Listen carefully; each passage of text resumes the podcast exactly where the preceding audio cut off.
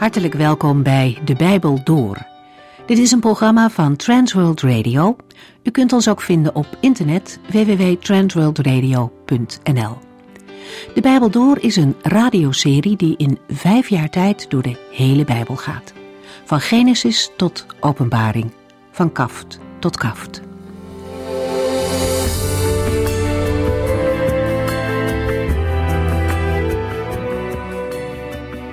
Mocht u meer informatie over deze serie willen hebben, kijkt u dan op onze internetsite www.transworldradio.nl.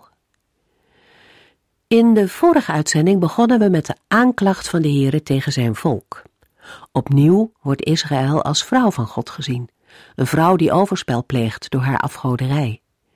Israël laat de Heere in de steek en geeft haar liefde aan afgoden. De aanklacht gaat zelfs nog verder niet alleen pleegt men een geestelijk opzicht overspel, maar er worden zelfs kinderoffers gebracht aan de moloch. Dit is voor de Heere een gruwel. Hij is de God van het leven, de God die juist voor de zwakken, zoals kinderen, opkomt. Nog steeds worden in sommige landen kinderoffers gebracht. En laten we eerlijk zijn, hoe anders is het in ons land eigenlijk in dit opzicht. Een van de zeven kinderen mag het levenslicht niet zien en wordt gedood. Je zou kunnen zeggen dat het de moloch is in een modern jasje. God stelt zijn volk de vraag hoe dit alles mogelijk is. Waarom was u banger voor hen dan voor mij? Hoe is het mogelijk dat u zelfs geen moment aan mij hebt gedacht? God is een poos stil geweest, maar dat wil niet zeggen dat hij er niet meer is. Dat rechtvaardigt niet dat zijn volk hem de rug toekeert en een eigen weg gaat. Als de Heere wacht met antwoorden, is dat een tijd om volharding te leren en te blijven vertrouwen. Hij zal dat uiteindelijk altijd belonen, terwijl afgoden niets te bieden hebben. Jezaja 58 laat zien dat eigen godsdienstige handelingen niet het middel zijn om bij God in de gunst te komen. Echte rechtvaardigheid wordt zichtbaar in een rechtvaardige en eerlijke levenswandel. We lezen in dit hoofdstuk verder vanaf vers 4.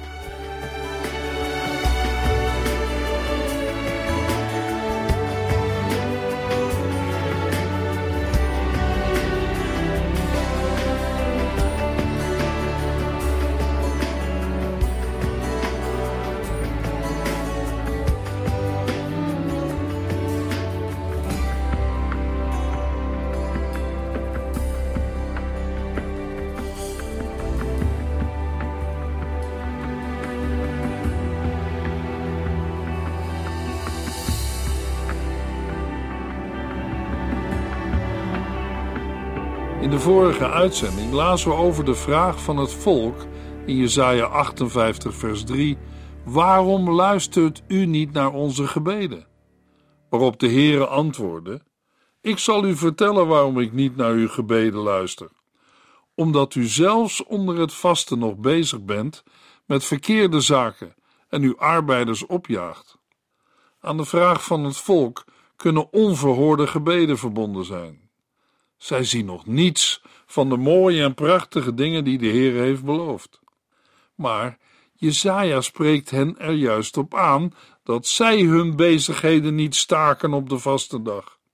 Het is niet de Heere die volgens het volk niet doet wat hij heeft beloofd, maar het zijn de Israëlieten die net doen alsof zij de wetten van de Heere gehoorzamen door hun godsdienstige plichten zo correct mogelijk uit te voeren maar zij zijn met verkeerde zaken bezig. Met verkeerde zaken bedoelt Jezaja elke bezigheid die mensen van het doel van een vaste dag afleiden. Alles waaraan de voorkeur wordt gegeven boven ootmoed, vasten en gebed, behoort op die dag tot de verkeerde zaken. Op een dag van vasten en gebed kan het leven niet zijn gewone gang gaan. Er moet ook tijd apart gezet worden om te vasten en te bidden. De aanklacht in vers 3 is op zijn minst ironisch. Enerzijds menen de leiders van het volk genoeg ernst te maken met het vasten, en anderzijds gunnen zij burgers geen verlof op een dag van vasten en gebed. Het vasten gaat niet verder dan het uitwendige en leidt niet tot een milde houding naar hun arbeiders. Integendeel, zij jagen hun arbeiders op. Jesaja 58, vers 4 en 5. Welk nut heeft vasten als u blijft ruzien en vechten? Dat soort vasten doet weinig goed in mijn ogen. Is dit wat ik wil? Dit soort inkeer, dit buigen als riet in de wind, dragen van rouwkleding en het uzelf bedekken met as? Noemt u dat vasten, een dag waaraan ik wel gevallen heb? Mogelijk zijn de ruzies en de fysieke agressie waar Jezaja in vers 4 over klaagt, een gevolg van hun houding tegenover de arbeiders. Als ze zelf onverschillig blijven voor de noden van hun werklieden, hoe willen ze dan dat de Heer hun gebeden verhoort? Menen ze dat een dag van zelfvernedering, van zich neerbuigen en in zak en as zitten, een vaste dag is die door de Heere wordt gewaardeerd? Voor alle duidelijkheid, de genoemde tekenen, zelfvernedering en het dragen van rouwkleding, als ook het zich bedekken met as, geven inderdaad vaak uiting aan oprechte ootmoed en nederigheid. Jezaja zal dat niet ontkennen. Maar dergelijke uitingen van berouw zijn alleen zinvol als ze gepaard gaan met de juiste levenshouding. De Heere kijkt verder dan het uitwendige en wil weten of het vaste ook betekenis heeft voor iemands verdere leven. Jesaja 58 vers 6 Nee, het soort vaste dat ik van u verlang, is dat u uw band met de zonde verbreekt, dat u zich bevrijdt van het kwaad, dat u ophoudt uw arbeiders uit te buiten, hen eerlijk behandelt en hun geeft waar ze recht op hebben. Even duidelijk, als de Heer het formalisme afkeurt, geeft Jezaja aan welke bekering en verandering de Heere verlangt op een vaste dag. Hij wil een einde zien aan de band met de zonde, aan sociaal onrecht en uitbuiting. De krachtige woorden functioneren als een bevel. Het gaat daarbij niet om afzonderlijke handelingen die specifiek op de vaste dag worden verwacht, maar samen vormen ze één krachtige oproep tot bevrijding van elke volksgenoot uit allerlei vormen van onderdrukking. In Jesaja 58 gaat het niet om wat vreemden de Israëlieten aandoen, maar om het verkeerde gedrag van de Israëlieten ten opzichte van hun volksgenoten. Jesaja 58 vers 7 Ik wil dat u uw voedsel deelt met de hongerigen en dat u hulpelozen, armen en ontheemden in uw huizen ontvangt. Geef kleren aan wie het koud hebben en verberg u niet voor familieleden die uw hulp nodig hebben. Bovendien vereist een vaste periode dat de mensen hun brood delen met wie hongerig zijn, dat hulpeloze armen en daklozen van kleding en huisvesting worden voorzien, en dat de ontmoeting met arme volksgenoten niet uit de weg wordt gegaan. God kan niet gediend worden op louter formele basis, en bevrijding en bijstand liggen hem nauw aan het hart. Jesaja 58 vers 8 Dan zult u stralen als de morgenzon. U zult snel genezen. Uw vroomheid zal u voorthelpen. Goedheid zal als een schild voor u zijn, en de glorie van de Heere zal u van achteren beschermen. Als mensen gaan doen wat de Heere graag wil, dan zal er licht van Gods volk uitgaan. Jesaja 58 vers 9 Dan zal de Heere antwoorden als u roept. Ja, hier ben ik, zal hij direct zeggen. Alles wat u moet doen, is de boosheid uit uw midden wegdoen. Ophouden de zwakken te onderdrukken. Ophouden valse beschuldigingen te uiten. En niet langer slechte geruchten te verspreiden. Luisteraar, geloof mist oprechtheid als anderen er niets van merken. Vasten kan geestelijk en lichamelijk heilzaam zijn, maar op zijn best helpt het alleen de persoon die vast. De Heere zegt dat Hij wil dat de hulp van gelovigen verder reikt dan onze eigen persoonlijke groei. De daden van gelovigen omvatten ook daden van vriendelijkheid, naastenliefde, rechtvaardigheid en vrijgevigheid. Echt vasten is meer dan niet eten. Het gaat ook om zijn woord toepassen in de samenleving. In Matthäus 5, vers 16 zegt de Heer Jezus: Laat daarom ook uw licht voor alle mensen schijnen. Als zij dan de goede dingen zien die u doet, zullen zij uw hemelse Vader eren. In de Hebreeuwse tekst van vers 9 komen we nog een opmerkelijke uitdrukking tegen, namelijk het wijzen met de vinger. Het wijzen met de vinger is in het oude Midden-Oosten vaak een beschuldigend gebaar. Het is in Jesaja 58 dreigend of intimiderend bedoeld en kan duiden op valse beschuldigingen. Alles wat u moet doen is boosheid wegdoen, het wijzen met de vinger, het beschuldigen nalaten, de hongerige en de verdrukte helpen. Als mensen echt bewogen zijn om behoeftigen te helpen, zal de Heer hen ook antwoorden.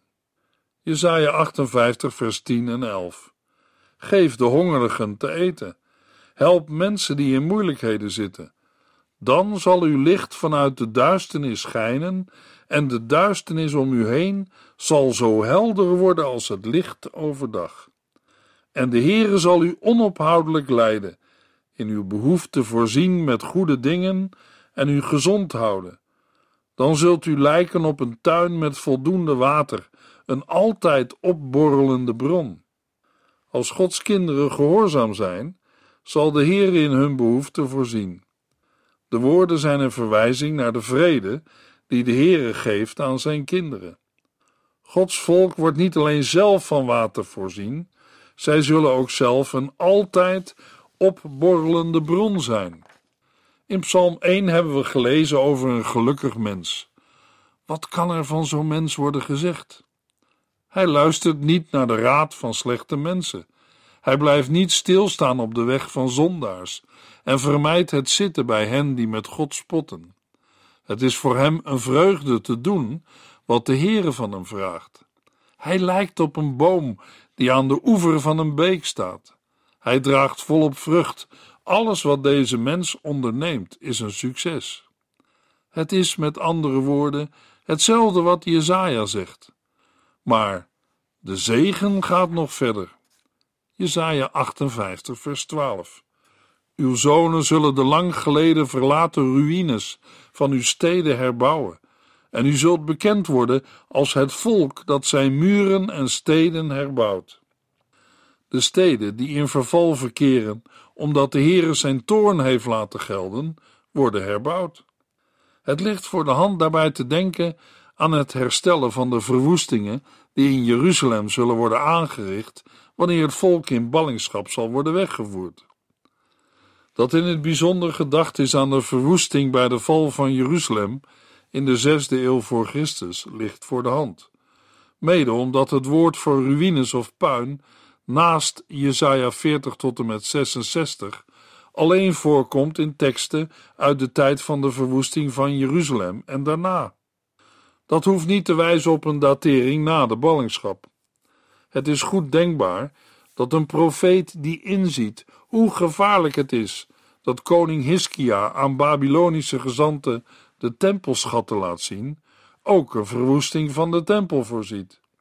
Jezaja legt de nadruk niet op de ruïnes, maar op de herbouw, waarin de fundamenten voor alle toekomstige generaties worden hersteld.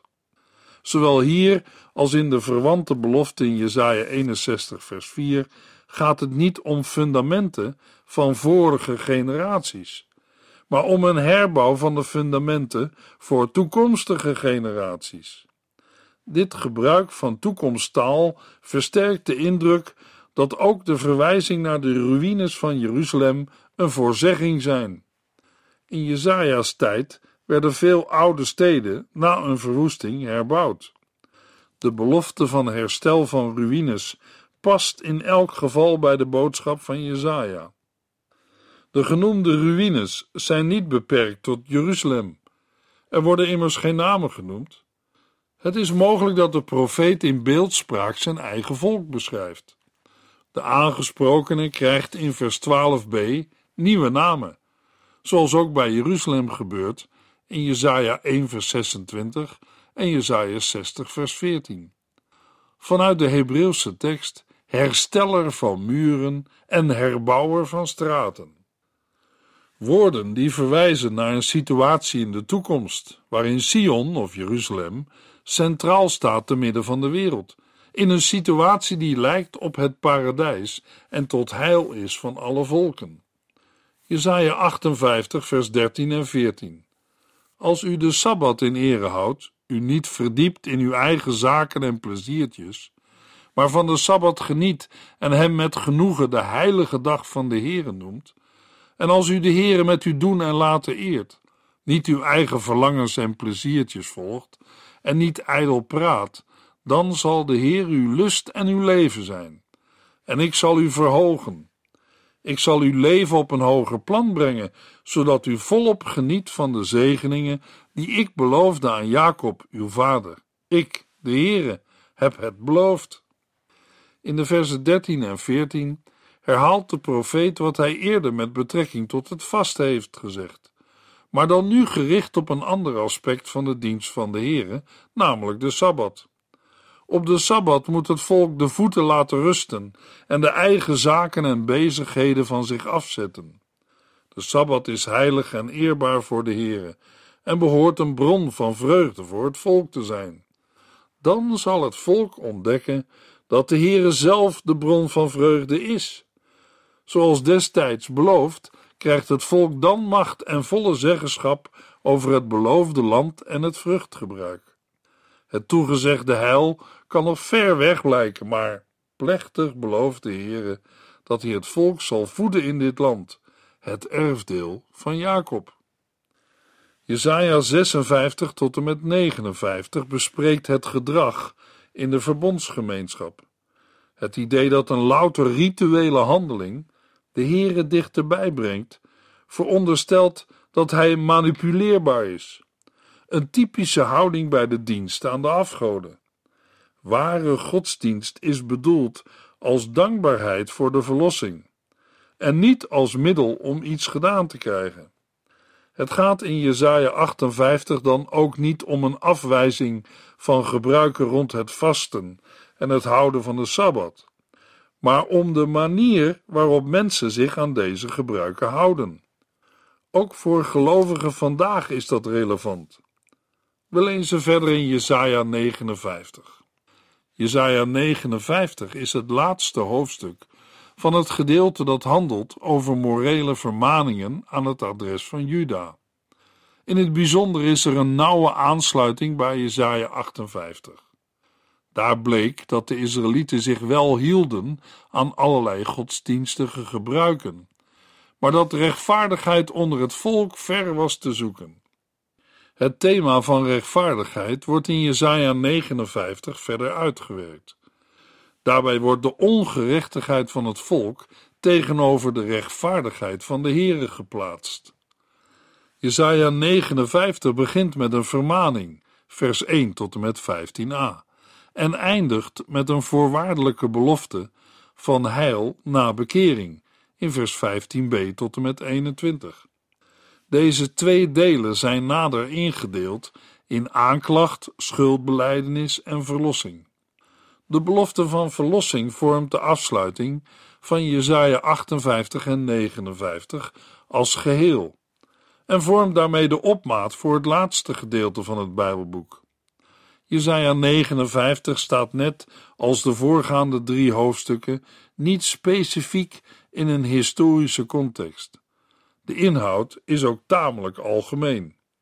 Daarom kan de inhoud in verschillende tijden voor verschillende generaties zeggingskracht hebben. Doorgaans gaat men ervan uit dat de inhoud betrekking heeft op de uit de ballingschap teruggekeerde gemeenschap, die nog weinig ervaart van de gedane heilsbelofte. De aanklacht tegen sociaal onrecht past in die periode, maar nog beter in de tijd van de koningen voor de ballingschap, zoals blijkt uit vergelijkbare aanklachten bij de profeten uit die tijd. De vergelding aan Israëls vijanden kan begrepen worden als een bevestiging van wat in Jesaja 13 tot en met 24 is geprofeteerd.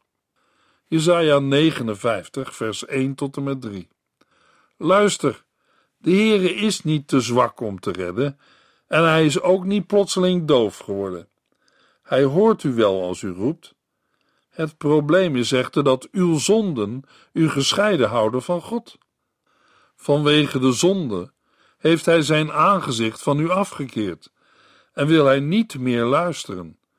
Want uw handen zijn moordenaarshanden en uw vingers zijn bevuild door de zonde.